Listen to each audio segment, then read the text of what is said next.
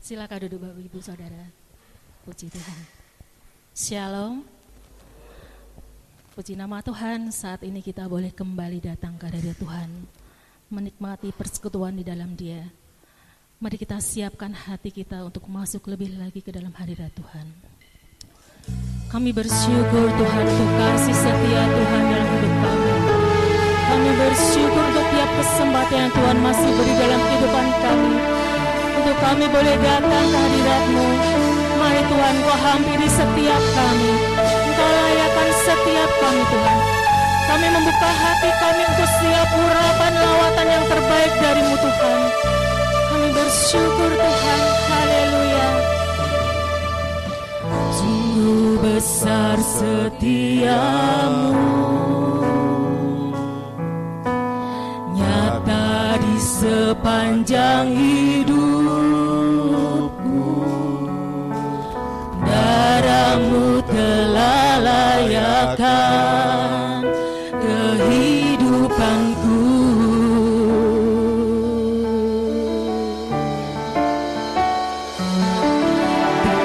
Tiada kata yang bisa Lukiskan indahnya kau Tuhan. Bagimu segala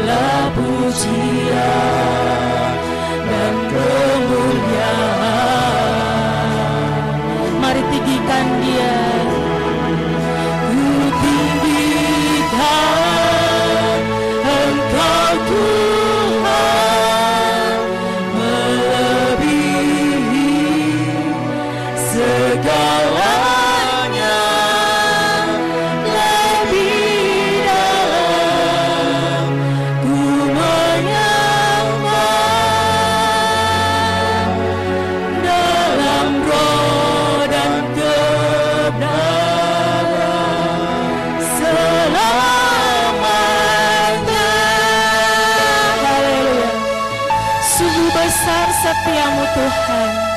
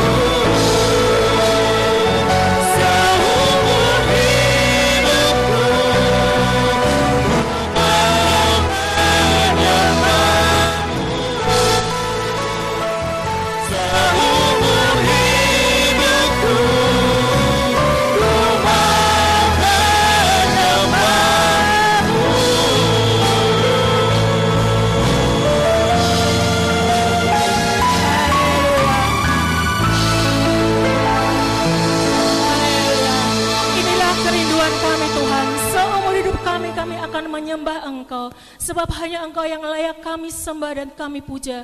Terima kasih Tuhan untuk setiap penyertaan. Terima kasih untuk setiap karya keselamatan yang Tuhan beri dalam setiap hidup kami. Kami serahkan waktu ibadah ini dari awal hingga akhirnya. Kami mau lebih lagi masuk ke dalam hadiratmu. Kami yang siap memuji Tuhan lebih lagi katakan, Amin. Beri kemuliaan menyembah Tuhan saudara. Puji nama Tuhan. Ada sukacita saudara? Amin. Amin. Mau kita mau lebih lagi bersorak-sorai bagi Tuhan. Haleluya.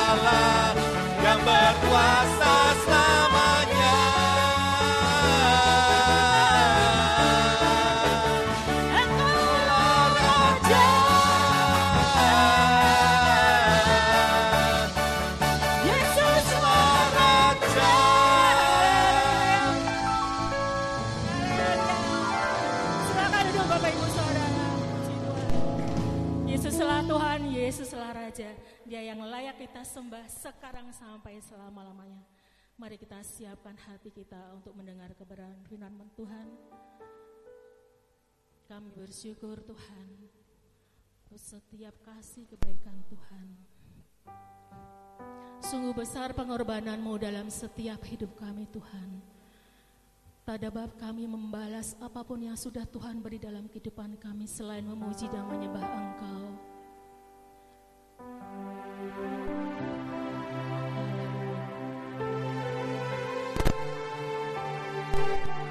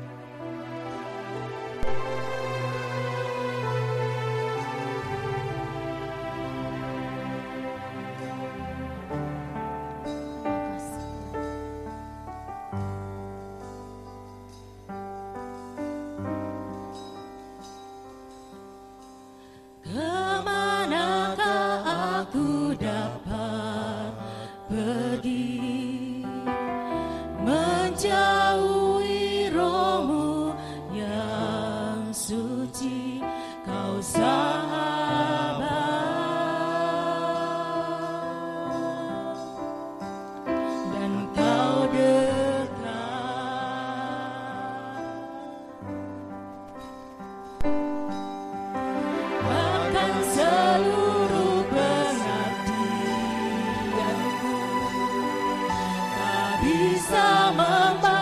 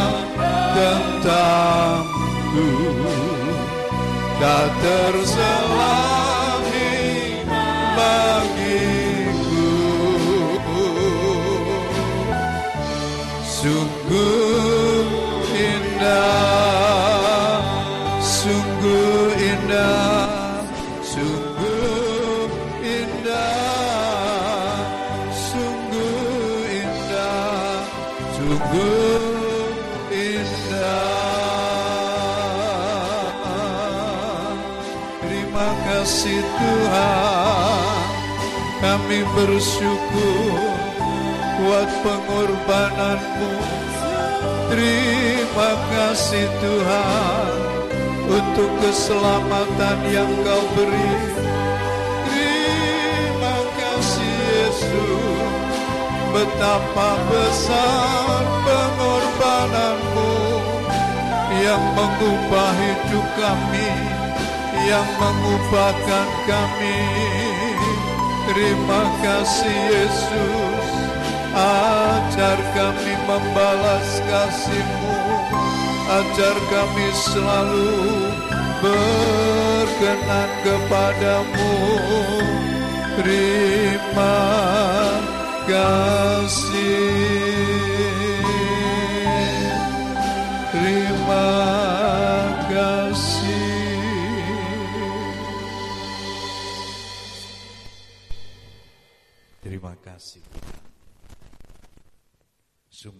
Allah kami yang baik, Allah yang sungguh mengasihi kami.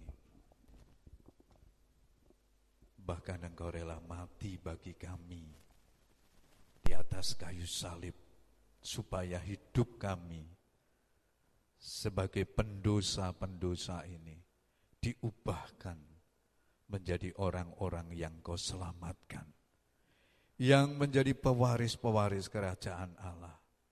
Sungguh kami bersyukur Tuhan. Kami sadar bahwa kami tidak bisa menyelamatkan diri kami sendiri. Kalau kami ada sampai hari ini.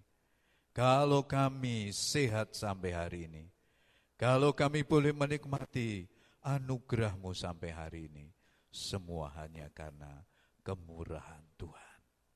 Karena itu kiranya terus mengalir dari bibir kami ini ucapan syukur senantiasa di dalam Tuhan. Dalam segala hal kami mau belajar bersyukur karena hidup kami ini adalah milik Tuhan. Engkau yang mengatur hidup kami, Engkau yang ber, selalu ber, bersama dengan kami dalam setiap apa pun yang kami hadapi. Oleh karena itu kami tidak mau takut dan khawatir menguasai hidup kami, karena sesungguhnya hidup kami ini milik Tuhan, Engkau yang selalu menuntun langkah hidup kami. Kami sudah memuji Engkau Tuhan. Kami mau dengarkan firman-Mu, kami membuka hati dan pikiran kami untuk firman Tuhan disampaikan. Kiranya firman-Mu akan mendasari kami dalam persekutuan kami dengan tubuh dan darah-Mu. Berkati hambamu dalam segala keterbatasan ya Tuhan. Engkau menguduskan dan memampukan hambamu untuk menjadi penyampai firmanmu yang baik dan benar. Terima kasih Tuhan. Sepenuhnya waktu ini kami serahkan dalam tangan Tuhan. Di dalam satu nama Tuhan kami, Yesus Kristus, kami berdoa dan bersyukur kepadamu. Semua yang siap diberkati firman Tuhan berkata, Amin. Puji Tuhan. Silakan duduk kembali Bapak Ibu Saudara sekalian.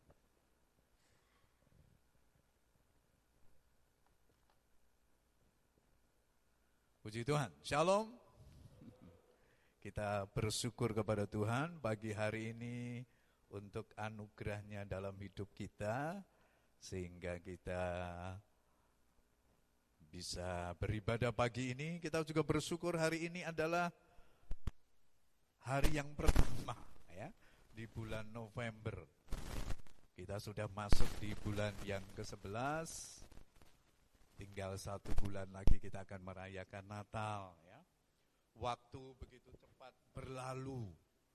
Meskipun ini masa pandemi penuh dengan penantian, penuh dengan kegalauan, penuh dengan kebimbangan, kekhawatiran dan ketakutan, tetapi toh kita bisa lalui. Ya. Kadang-kadang manusia itu ketika tidak menyadari ya bagaimana Tuhan itu bekerja secara senyap dalam kehidupan kita. Kita merasa hidup ini berat.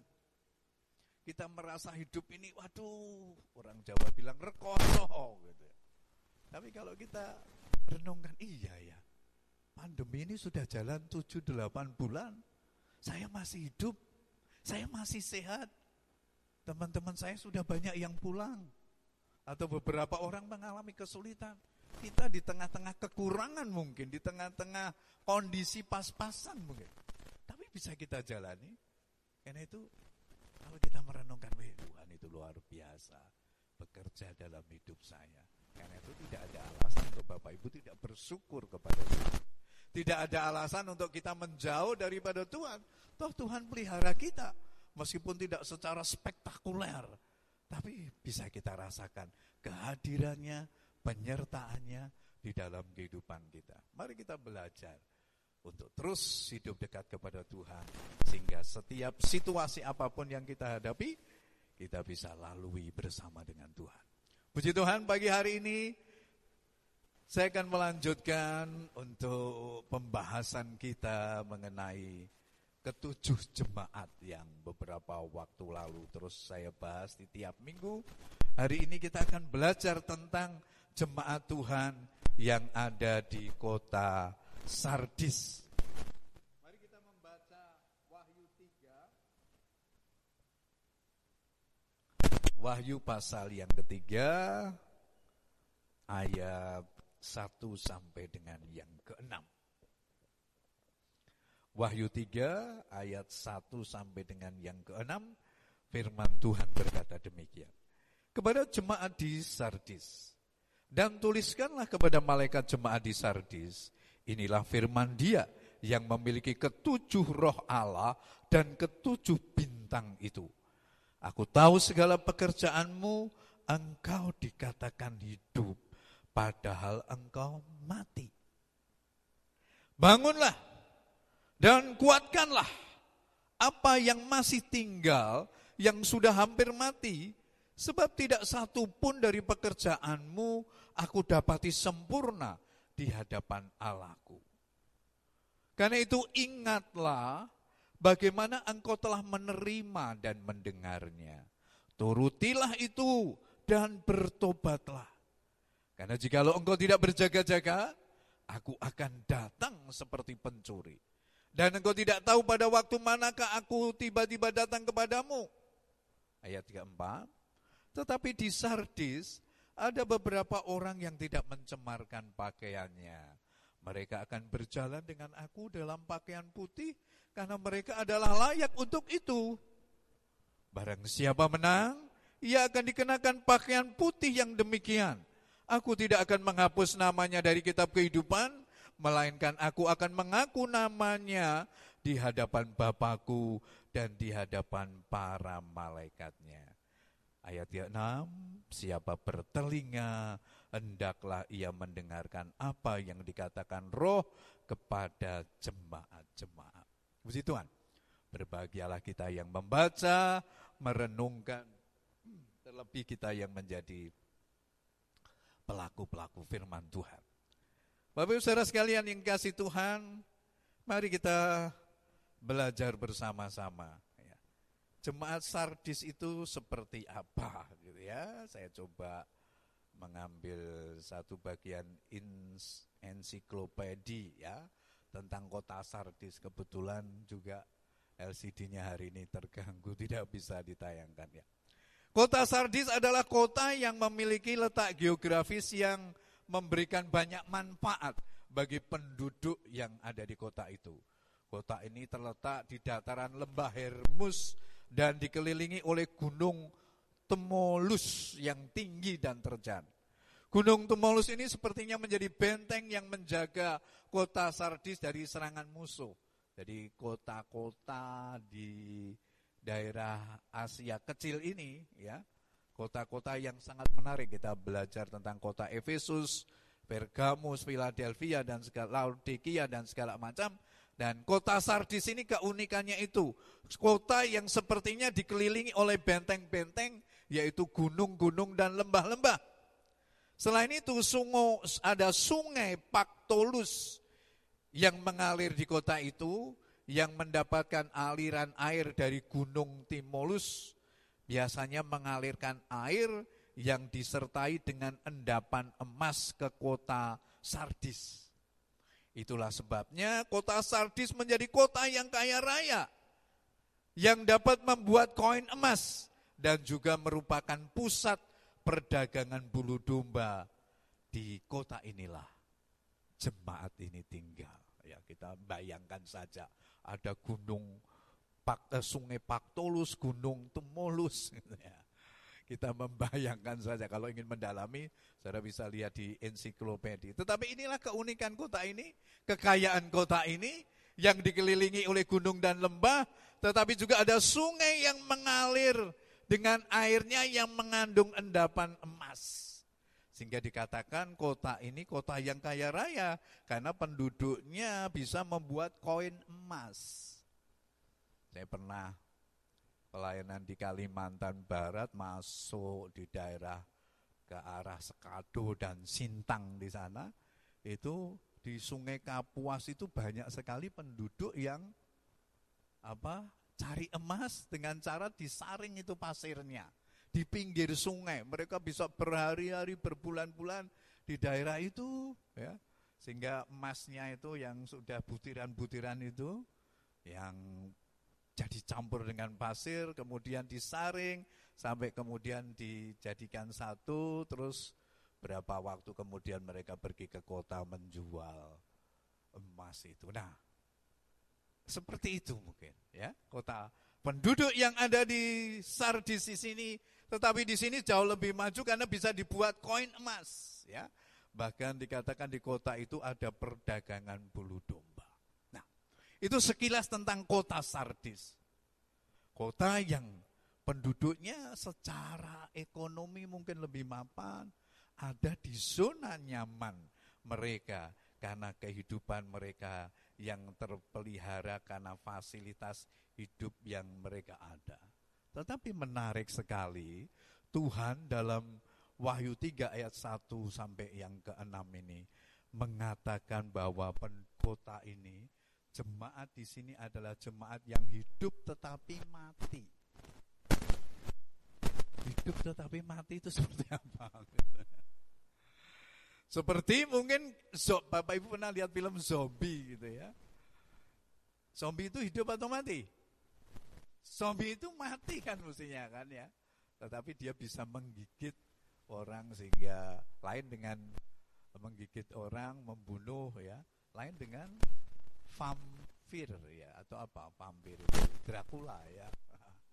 Kalau Dracula itu kan me, mengisap darah ya. Itu benar atau tidak saya juga tidak tahu. Di film-film kan seperti itu. Dracula bangkit dari peti jenazah begitu bisa terbang meminum darah manusia seperti itu ya. Tapi sebetulnya itu kan cerita tentang orang atau makhluk yang sudah mati nah kalau itu dikenakan kepada manusia kan tentu itu tidak enak Pak Gunadi itu hidup tapi mati. Loh itu kan menyindir ini. Ada apa ini? Saya ini benar-benar hidup tapi dikatakan mati. Nah, ini yang dikenakan oleh Tuhan kepada jemaat yang ada di Sardis. Tuhan hadir di tengah-tengah mereka menyampaikan firman ini menjadi bagian daripada surat ketujuh jemaat dan Tuhan hadir kepada mereka dengan menampilkan sosok sebagai kepala gereja. Ya, ayat yang ketiga di sana dikatakan dan tuliskanlah kepada malaikat jemaat di Sardis. Inilah firman Dia yang memiliki ketujuh roh Allah dan ketujuh bintang itu. Tuhan hadir sebagai pemilik gereja. Tuhan hadir sebagai kepala gereja dengan mengatakan akulah pemegang ketujuh roh.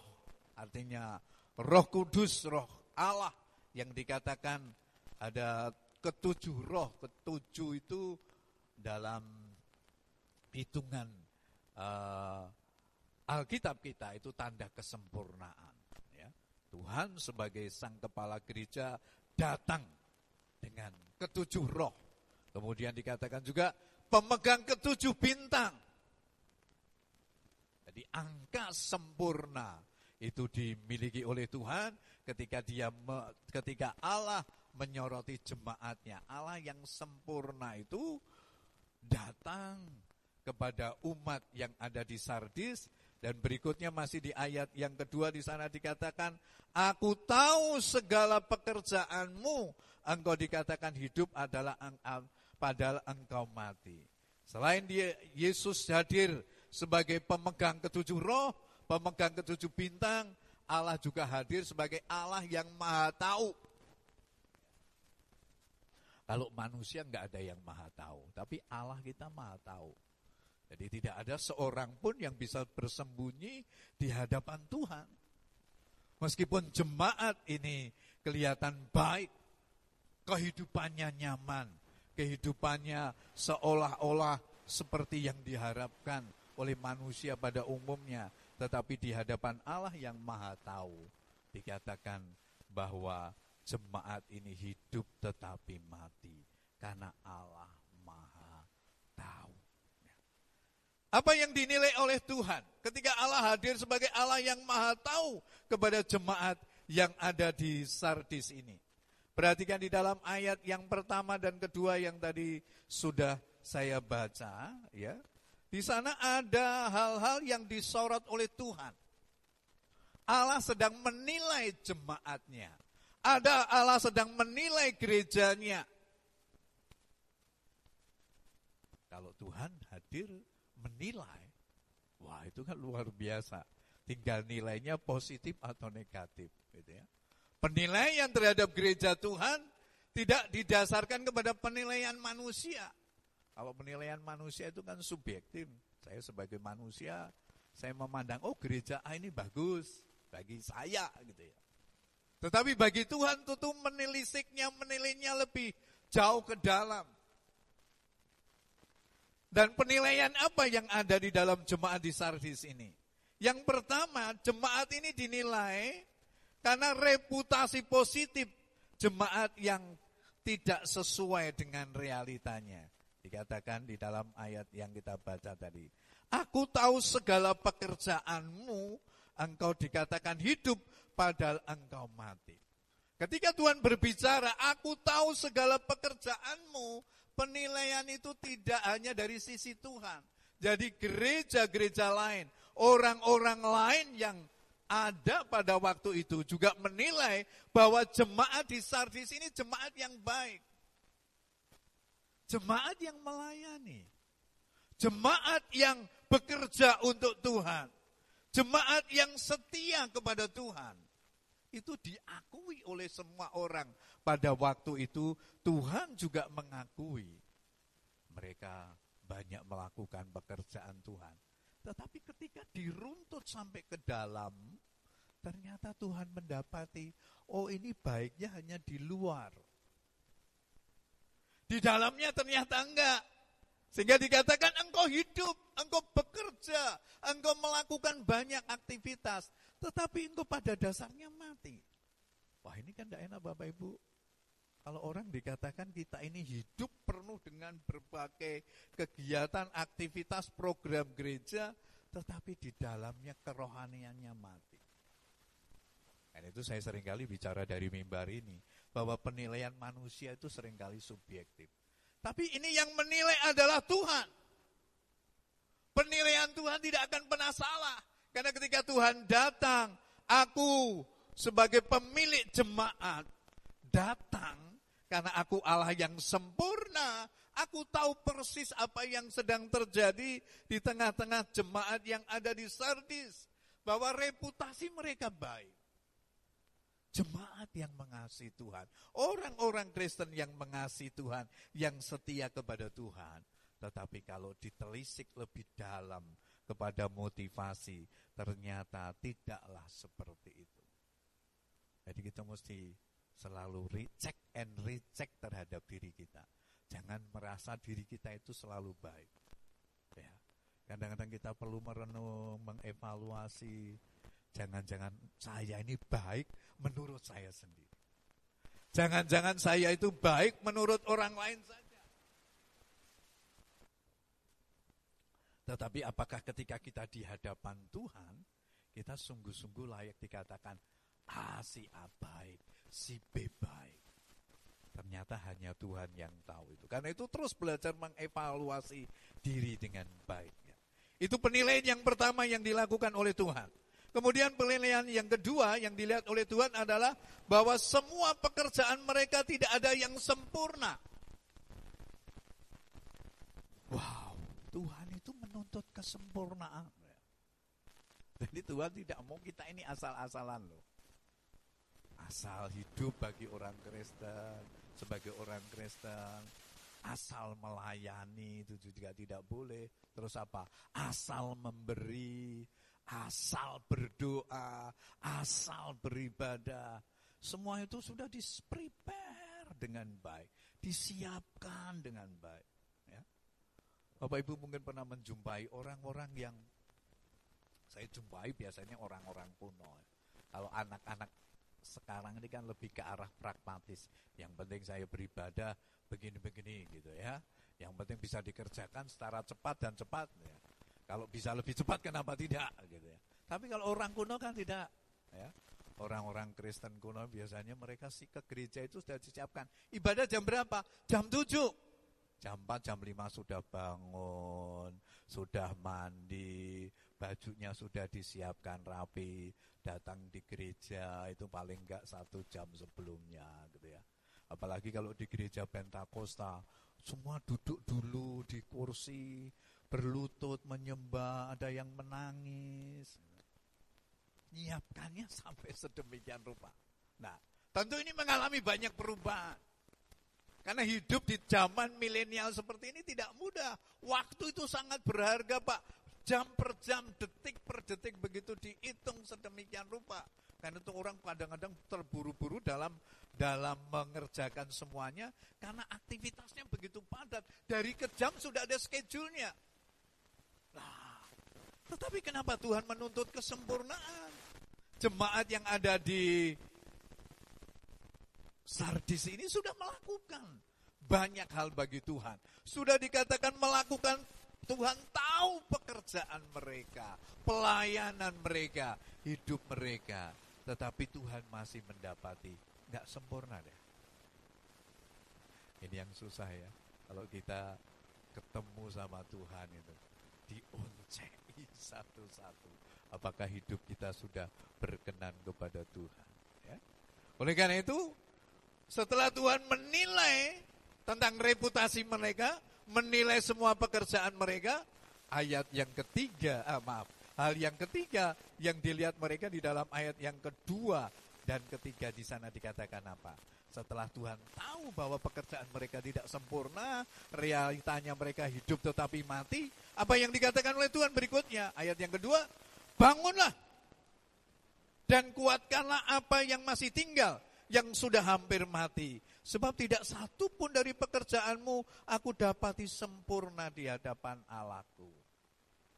Setelah dinilai Tuhan, Tuhan tidak hanya menilai, tetapi Tuhan memberikan solusi juga. Tidak seperti manusia. Manusia kadang-kadang mengkritik, eh kerjaanmu tidak benar loh. Cuman mengkritik doang. Tidak memberi solusi. Kayak pemain sepak bola, eh, kayak penonton sepak bola. Wah Ronaldo, G O B O L O K gitu ya. Gitu aja nggak bisa menendang gitu. Karena kita nonton sambil sepanang emosi.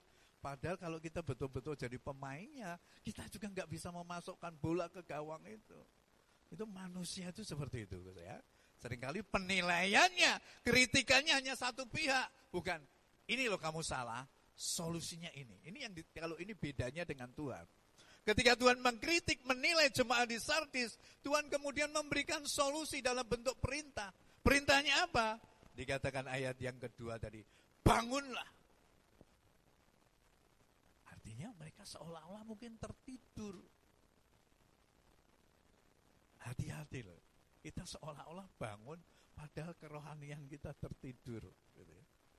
Karena itu hati-hati di masa pandemi seperti ini. Terus kita apa itu? Makin mendekat kepada Tuhan. Makin intens persekutuan kita dengan Tuhan. Jangan sampai kita tertidur. Kelihatannya saya terbangun tapi tertidur karena hanya Tuhan yang tahu. Sehingga dikatakan, bangunlah. Sebuah perintah. Bangun dari tidur panjangmu. Bangun dari keterlelapanmu. Bangun dari rohanimu yang letih lesu. Dan ini Tuhan yang ngomong, saudara.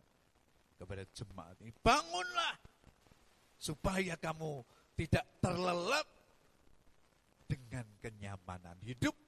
Sehingga persoalan kerohanian tidak lagi dianggap sesuatu yang penting.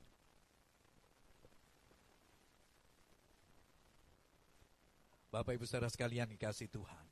Masalah bisa membuat orang terlelap rohani. Kenyamanan juga bisa membuat orang terlelap rohaninya. Jadi tidak bisa membuat patokan. Kalau hidupku lancar, baik, semua tersedia, berkat ada, pasti saya, rohani saya bangun. Belum tentu. Atau ada yang berkata, kalau orang diperhadapkan dengan banyak masalah, khususnya di masa pandemi ini, orang pasti rohaninya terjaga-jaga dan lebih dekat kepada Tuhan. Belum tentu juga. Jadi semua punya sisi negatif dan positif. Oleh karena itu hanya kita yang tahu. Tuhan di masa pandemi dengan banyak masa kesulitan, tantangan dalam pekerjaan, dalam hidup sehari-hari, dalam pelayanan. Apakah rohaniku terbangun? Atau Tuhan harus membangunkan kita pagi ini. Bangunlah! Dan berikutnya yang diingatkan oleh Tuhan apa? Kuatkanlah apa yang masih tersisa. Waduh, kalau masih tersisa berarti yang lainnya sudah kepake.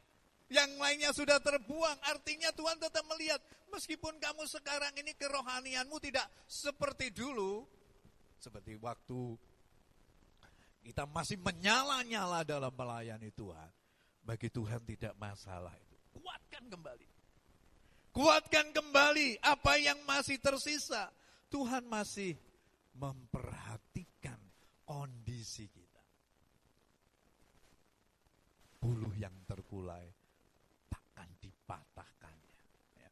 Meskipun mungkin kita mulai redup karena banyak masalah hari-hari ini, pagi ini Tuhan mengingatkan kita seperti Tuhan mengingatkan jemaat di Sardis. Ayo bangun, bangun, bangun. Yang kedua, ayo kuat, kuat, kuat. Kuatkan, kuatkan, kuatkan. Semangat kembali. Jangan sampai kita terlena dalam kehidupan ini. Karena zona nyaman seperti yang dimiliki oleh jemaat Sardis bisa membuat mereka terlena, tertidur rohani. Tetapi juga hal-hal yang masalah-masalah dalam hidup kita pun juga bisa membuat kita terlena dalam hidup ini. Mari kuatkan kembali, kuatkan kembali. Jangan sampai kita terlindas oleh persoalan-persoalan dunia yang bisa melemahkan kita. Bapak Ibu Saudara sekalian yang dikasih Tuhan. Tuhan rindu setiap kita selalu dalam kondisi berjaga-jaga. Ya. Awareness. Berjaga-jaga. Waspada. Eling lan waspada. Zaman yang kita hadapi Bapak Ibu Saudara sekalian adalah zaman yang sedang seperti ini. Karena itu kita tidak boleh terlena. Peperangan sudah siap menghadang itu. Kalau kita ngikuti media sosial, ya antara Cina dan Amerika ini sudah tegangan tinggi itu karena masing-masing ingin unjuk gigi menjadi superpower di dunia ini. Beberapa minggu ini ramai lagi karena Cina berkoalisi dengan Rusia yang sama-sama militernya kuat, Amerika dengan NATO. Ya. Ekon, uh, pandemi virus corona belum selesai, ekonomi juga masih lesu. Sekarang perang sudah mulai mengancam. Ini dunia. Realita dunia yang Bapak Ibu dan saya hadapi. Karena itu jangan lengah, jangan merasa wah hidup kok susah terus gimana ini. Bagaimana mengatasinya? Justru mari kita tingkatkan kerohanian kita, kita sadar dan berjaga-jaga, bangun, kuatkan iman kita dengan sungguh-sungguh. Jangan sampai ketika Tuhan datang yang kedua kali kita justru tertinggal. Seperti yang dikatakan di dalam ayat yang ketiga tadi di sana dikatakan. Karena itu ingatlah bagaimana engkau telah menerima dan mendengarnya. Turutilah itu dan bertobatlah. Karena jikalau engkau tidak berjaga-jaga, perhatikan apa? Aku akan datang seperti pencuri. Dan engkau tidak tahu pada waktu manakah aku tiba-tiba datang kepadamu. Loh, Tuhan mau datang seperti pencuri loh. Tidak pernah ngomong-ngomong. ya pernah bilang para siang nanti malam aku mau datang ke rumahmu, mau mengambil laptop dan HP-mu. Gak ada pencuri seperti itu. Langsung tiba-tiba datang. Ujuk-ujuk. Tuhan pun mau datang tidak ada pemberitahuan. Ya. Yang bisa kita lihat adalah tanda-tanda zaman itu. Dan makin hari makin digenapi. Kan itu jangan lengah, jangan tertidur seperti jemaat di Sardis yang kelihatannya hidup tetapi mati. Mari bangun rohani kita, bangkitkan rohani kita. Jangan sampai kita menjadi lengah dan kemudian ketika Tuhan datang yang kedua kali, ternyata kita tidak siap. Bapak Ibu Saudara sekalian dikasih Tuhan, setiap kita harus berpikir eskatologis. Hidup kita di tengah-tengah dunia ini hanya sementara kita akan menghuni kehidupan kekal di dalam surga bersama dengan Tuhan. Jangan sampai pengikutan kita kepada Tuhan hanya di dunia ini. Sampai berapa lama sih kita mau ada di sini? Tentu kita semuanya rindu hidup kekal bersama dengan Tuhan. Dan itu jangan terlena dengan perkara dunia. Siapkan dirimu, bangun, kuatkan yang lemah, supaya kita siap ketika Tuhan datang yang kedua.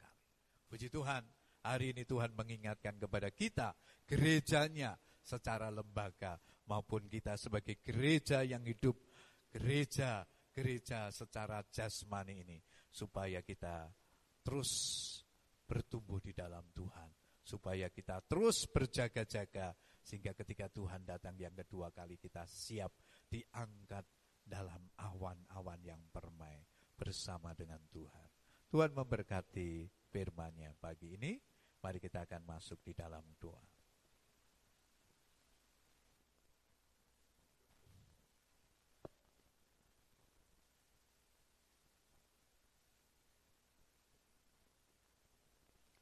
Mari kita akan berdoa. Tuhan, terima kasih. Terima kasih untuk firman-Mu yang mengingatkan kepada kami. Supaya kami menjadi anak-anak Tuhan yang selalu berjaga-jaga. Karena hanya Tuhan yang tahu kondisi rohani kami Tuhan. Jangan sampai kami didapati seperti jemaat di Sardis. Yang kelihatannya kami hidup, kerohanian kami baik, tapi ternyata di dalamnya keropos dan mati. Tuhan, selidiklah setiap kami. Agar kami memahami ini. Karena hidup di dalam dunia ini hanya sementara. Suatu hari engkau akan datang kembali menjemput kami. Kembali pulang ke rumah Bapa di surga. Siapkan diri kami Tuhan. Supaya kami tidak terlena, kami tidak terlelap dalam tidur panjang hanya karena persoalan-persoalan dunia yang sementara ini. Hidup memang berat. Hidup penuh dengan tantangan. Tetapi kami tahu Tuhan tidak pernah meninggalkan kami. Tolonglah kami Tuhan yang sering kali lalai ini untuk bangkit, untuk bangun menguatkan yang lemah. Sehingga apa yang masih ada terus kami bangun sampai kami berjumpa dengan Tuhan. Meteraikan firman-Mu dalam hidup kami, melandasi kalau sebentar kami akan masuk dalam perjamuan suci, persekutuan dengan tubuh dan darahmu. Tuhan yang akan menolong kami semua. Terima kasih kami bersyukur kepada Tuhan untuk semuanya. Kami sambut perjamuan suci di dalam satu nama Tuhan Yesus Kristus. Haleluya. Amin. Silakan Bapak Ibu, baik yang di gereja maupun yang di rumah, mempersiapkan roti dan anggur perjamuan. Ya, rotinya bisa dilepas dari plastik yang ada.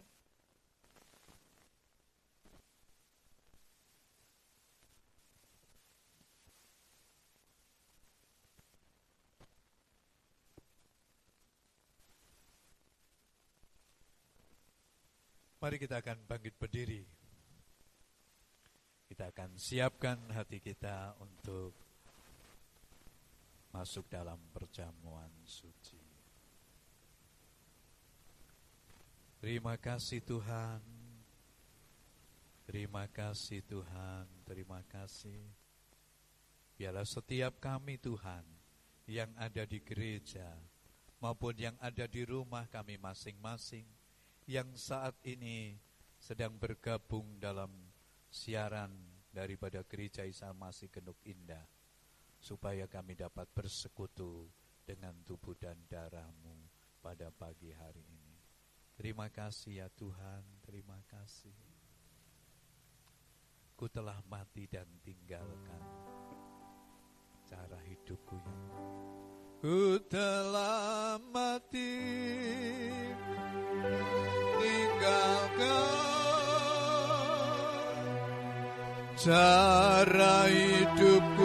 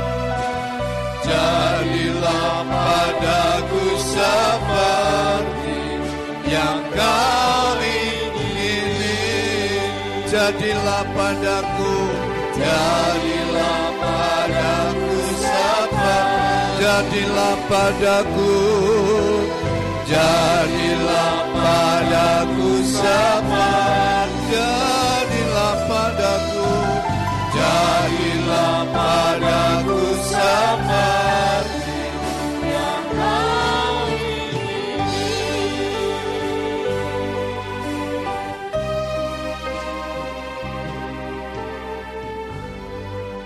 Terima kasih Tuhan, siapkan diri kami semua. Ampuni segala dosa dan kesalahan kami Tuhan. Barangkali ada pikiran, perkataan kami, perbuatan kami yang tidak memuliakan Engkau.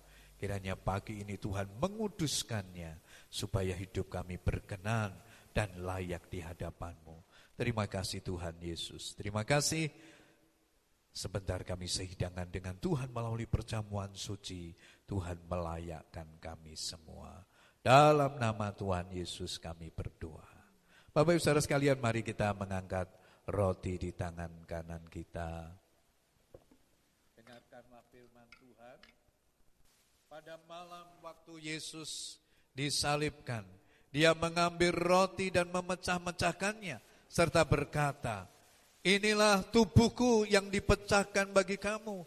Perbuatlah ini setiap kali kamu memakannya menjadi peringatan akan daku. Mari kita makan bersama-sama di dalam nama Tuhan Yesus Kristus.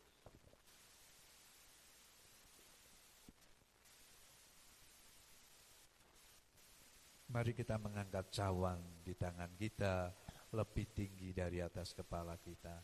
Dengarkanlah firman Tuhan. Demikian juga dia mengambil cawan sesudah makan.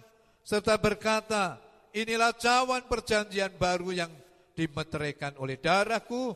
Perbuatlah ini setiap kali meminumnya menjadi peringatan akan daku. Mari kita minum di dalam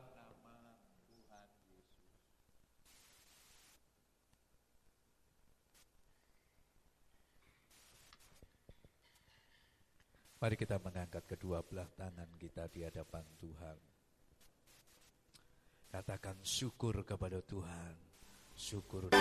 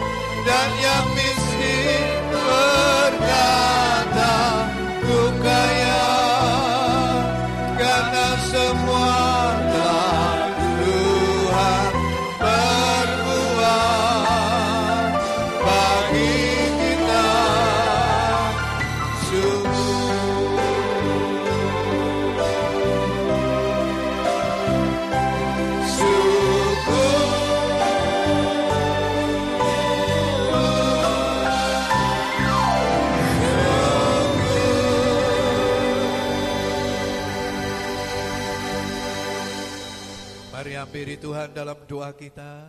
Bapak Ibu yang sakit, mari kita dengan iman tumpangkan tangan kanan kita ke atas bagian tubuh kita yang sakit, kita yang sedang menghadapi pergumulan. Mari kita menaruh tangan kanan kita di dada, kita menyerahkan segala pergumulan hidup kita kepada Tuhan. Bapak engkau melihat setiap tangan-tangan kami yang tertumpang di bagian tubuh kami yang sakit, di dada kami, tanda kami menyadari Tanda kami berserah, tanda kami bersandar kepadamu. Bahwa di luar Tuhan kami tidak bisa berbuat apa-apa. Terima kasih Tuhan, karena Engkau telah mati di atas kayu salib bagi kami. Tidak hanya menanggung dosa kami, tetapi juga menanggung segala beban hidup kami di atas kayu salib. Sebab itu dengan iman kami berseru, di dalam nama Tuhan Yesus, oleh bilur-bilurmu kami menjadi sembuh. Di dalam nama Yesus, oleh bilur-bilurmu kami menjadi sehat. Dan kami percaya menikmati kesehatan yang sempurna daripada Tuhan. Demikian juga Tuhan kami yang sedang menghadapi pergumulan, masalah dalam rumah tangga, dalam pekerjaan, dalam kehidupan kami sehari-hari. Kami berseru di dalam nama Yesus, Tuhan memberikan jalan keluar. Tuhan memberikan solusi untuk setiap persoalan yang kami hadapi. Kami percaya hidup kami di dalam tangan Tuhan. Engkau yang melawat, Engkau yang menolong, Engkau yang memberi jalan keluar bagi kami semua. Terima kasih kami bersyukur kepadamu untuk semuanya mengeterakan firman-Mu. Demikian juga perjamuan suci boleh menjadi berkat bagi kami. Terpujilah Engkau Tuhan. Di dalam nama Tuhan Yesus kami berdoa. Haleluya.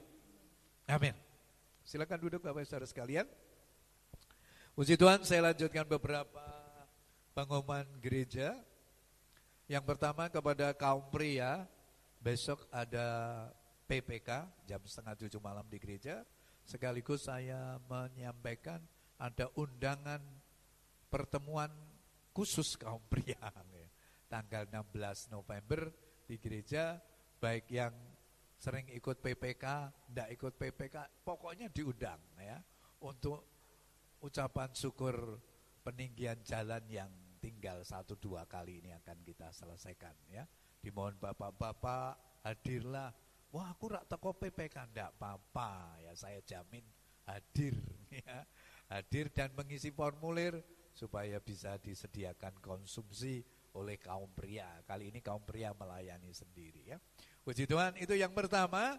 Yang kedua siaran lainnya secara online akan disampaikan di gereja uh, adik Cik Meling besok Kamis ada PPK? Enggak, halo? Saya enggak bawa warta ini, tolong Pak yang bawa warta. ada PPK kah? Eh, lansia kah besok Kamis? Ada? Oh iya, ada lansia. Tolong kaum lansia bisa hadir ya dalam ibadah kita pada hari Kamis yang akan datang. Yang lainnya akan ditayangkan secara online melalui Instagram dan Facebook gereja, baik kebaktian wanita, transformasi doa maupun KPK. Ya. E, berikutnya kepada Bapak Ibu hari ini mulai dibagikan amplop persembahan Natal. Ya, meskipun kita tidak tahu Natalnya seperti apa dan tahun baru, tetap kita harus menyambutkan itu saya mengundang Bapak Ibu berpartisipasi untuk mengumpulkan persembahan Natal seberapapun yang bisa kita kumpulkan. Kita kan mau Natalan bersama-sama dari kita untuk kita. Karena itu kita masih punya waktu dua bulan untuk Bapak Ibu dan saya mempersiapkan diri sambil terus berdoa pandemi bisa segera berakhir ya. sehingga kita bisa Natalan seperti tahun lalu. Apakah demikian saya tidak tahu, tapi saya beriman karena itu mengundang partisipasi Bapak Ibu untuk kita mengumpulkan persembahan Natal. Kemudian yang kedua, terus dukung di dalam doa dan persembahan kita, mobil kita sudah akan berakhir bulan Januari, jangan sampai tertunda gitu ya. Kita masih punya empat bulan, mari kita setia, yang tiap bulan komitmen ya setia, Bapak Ibu yang bisa memberikan persembahan, mari kita beri. Nah, mobil kita nggak ada karena baru dikentengkan ya supaya nggak terlambat uh, asuransinya. Ya, mari kita dukung dalam doa. Tinggal empat bulan sekali, jangan kendor. Semangat sampai selesai bulan Januari uh, program pengadaan mobil gereja. Nah, itu saja pengumuman gereja. Ya, hal-hal yang lain Bapak Ibu bisa uh, tanyakan ke saya lewat WhatsApp pribadi atau bisa di grup gereja ya. Puji Tuhan itu saja pengumuman. Mari kita akan bangkit berdiri. Kita akan mengakhiri ibadah kita pada pagi hari ini. Terima kasih Tuhan untuk kehadiranmu di tengah kami. Kami boleh memuji Engkau, menyembah Engkau. Kami bersyukur kami boleh mendengarkan firman-Mu yang terus mengingatkan kami mengevaluasi diri kami supaya makin hari kami terus berkenan kepadamu sehingga kami siap menjadi mempelai di akhir zaman. Ketika Tuhan datang ke yang kedua kali kami menjadi mempelaimu yang Tuhan angkat dalam kemuliaan bersama Tuhan. Tidak ada seorang pun jemaat Tuhan yang tertinggal. Karena itu bangunkan rohani kami kuatkan kami Tuhan supaya kami terus bersemangat menjalani hidup sebagai anak-anak Tuhan dan pelayani pekerjaanmu dengan setia. Terima kasih, kami mengucap syukur kepadamu, kami percaya iman kami diteguhkan melalui perjamuan suci hari ini yang memberkati kami semua. Terima kasih ya Tuhan, kami bersyukur kepadamu, kami mengucap syukur kepada Tuhan yang sudah memberkati gerejamu sampai hari ini, Minggu yang lalu kami boleh merayakan ulang tahun gereja yang ke-29. Kami bersyukur kepada Tuhan. Kiranya itu menjadi momen kami untuk terus bangkit menjadi gereja yang bertumbuh dan berdampak bagi masyarakat yang ada di sekitar kami. Terima kasih Tuhan, Kau memberkati setiap kami. Kau memberkati keluarga demi keluarga, sepekan yang akan datang, pekerjaan kami, kami serahkan dalam tanganmu. Keluarga kami, kami serahkan dalam tanganmu. Anak-anak kami yang studi, kami serahkan dalam tanganmu. Pelayanan gerejamu, kami serahkan dalam tanganmu. Engkau yang menyertai dan memberkati. Terpujilah engkau ya Tuhan. Sebentar kami akan pulang mengakhiri ibadah hari ini. Kiranya Tuhan menyertai dan memberkati kami semua. Bapak Ibu Saudara sekalian yang dikasih Tuhan, setelah engkau berbuat bakti di hadapan Tuhan, sekarang pulanglah dan terimalah berkat Tuhan. Angkat hatimu, tengadakan kedua belah tanganmu, dan terimalah berkatnya. Tuhan memberkati dan melindungi engkau. Tuhan menyinari engkau dengan wajahnya dan memberi kepadamu kasih karunia-Nya. Tuhan menghadapkan wajahnya yang kudus kepadamu dan mencurahkan berkat dari pagi hari ini sampai Maranatha Kristus datang kali yang kedua menjemput kita semua. Haleluya. Amin. Kiranya